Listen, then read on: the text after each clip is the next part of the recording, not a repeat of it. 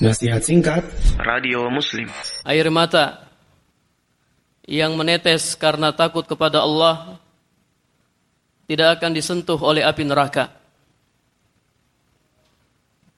Kalau seandainya kita tidak pernah meneteskan air mata kita karena takut kepada Allah, karena mengingatnya,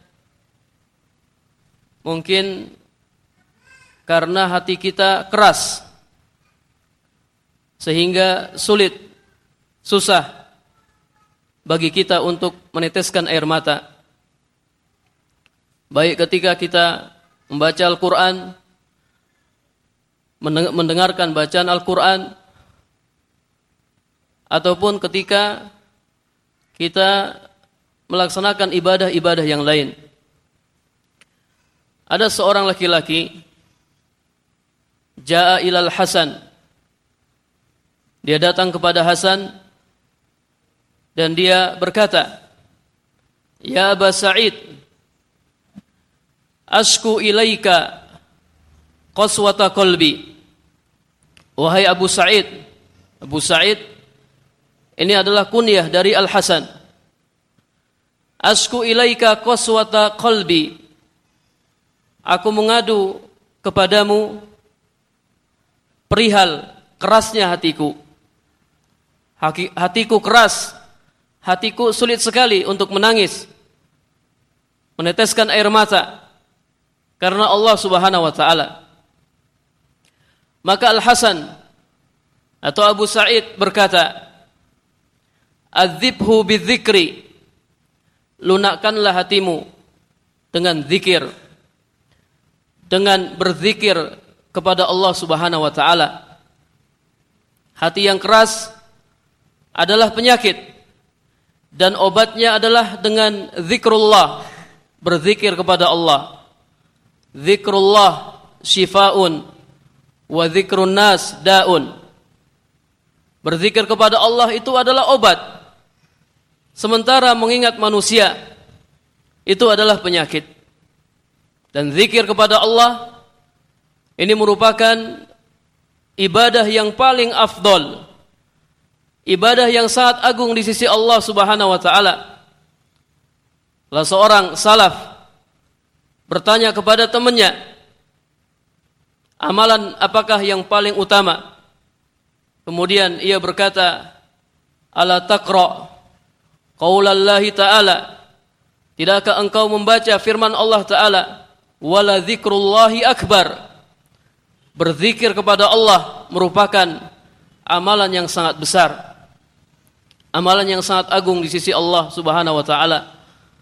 Para jamaah rahimani wa rahimakumullahu jami'an. Orang yang rajin berzikir kepada Allah maka dia akan senantiasa diingat oleh Allah Subhanahu wa taala. Fadhkuruni adzkurkum Ingatlah kalian kepadaku. Niscaya aku akan ingat kepada kalian. Orang yang rajin berzikir senantiasa diingat oleh Allah Subhanahu wa taala. Rabbus samawati wal ar. Rabb pemilik langit dan bumi. Dan banyak sekali zikir-zikir yang disyariatkan bagi kita. Baik zikir setelah sholat, zikir di waktu pagi, dan zikir di waktu petang. Hendaknya kita amalkan zikir-zikir ini dan banyak sekali keutamaan yang akan kita dapatkan. Zikir kepada Allah ini amalan yang bisa dilakukan oleh siapa saja. Orang yang sehat, orang yang sakit, orang yang kaya, orang yang miskin, siapa saja bisa berzikir. Cukup dengan menggunakan lisannya dan pahala yang akan dia dapatkan sangat besar di sisi Allah Subhanahu wa taala. Kalimatani khafifatani 'alal lisan sakilatani fil mizan. Subhanallah wa bihamdihi subhanallahil azim. Ada dua kalimat yang ringan di lisan, mudah diucapkan dengan lisan, namun sangat berat dalam timbangan, yaitu zikir Subhanallah wa bihamdihi subhanallahil azim. Subhanallah wa bihamdihi subhanallahil azim. Semakin banyak kita membaca zikir ini, maka semakin banyak pahala yang akan kita dapatkan di sisi Allah Subhanahu wa taala. Dalam hadis yang lain, hadis riwayat Tirmizi, Rasulullah sallallahu alaihi wasallam bersabda, "Man qala subhanallah wa bihamdihi, ghurisat lahu nakhlatun fil jannah.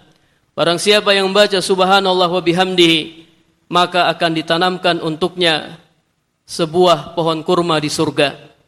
Subhanallah wa bihamdihi, kita akan memperoleh sebuah pohon kurma di surga. Kemudian kita baca lagi subhanallah wa bihamdihi. Kita dapatkan dua pohon kurma. Kita baca lagi, semakin kita banyak membaca zikir ini, subhanallah wa bihamdihi, semakin banyak pohon kurma yang kita miliki di dalam surga. Walhasil banyak sekali keutamaan-keutamaan zikir hendaknya kita manfaatkan waktu-waktu kita untuk berzikir kepada Allah Subhanahu wa taala. Mudah-mudahan yang sedikit ini bermanfaat bagi diri kami pribadi dan jamaah sekalian. Wassallallahu ala nabiyyina Muhammad. Walhamdulillahi rabbil alamin. Wassalamualaikum warahmatullahi wabarakatuh.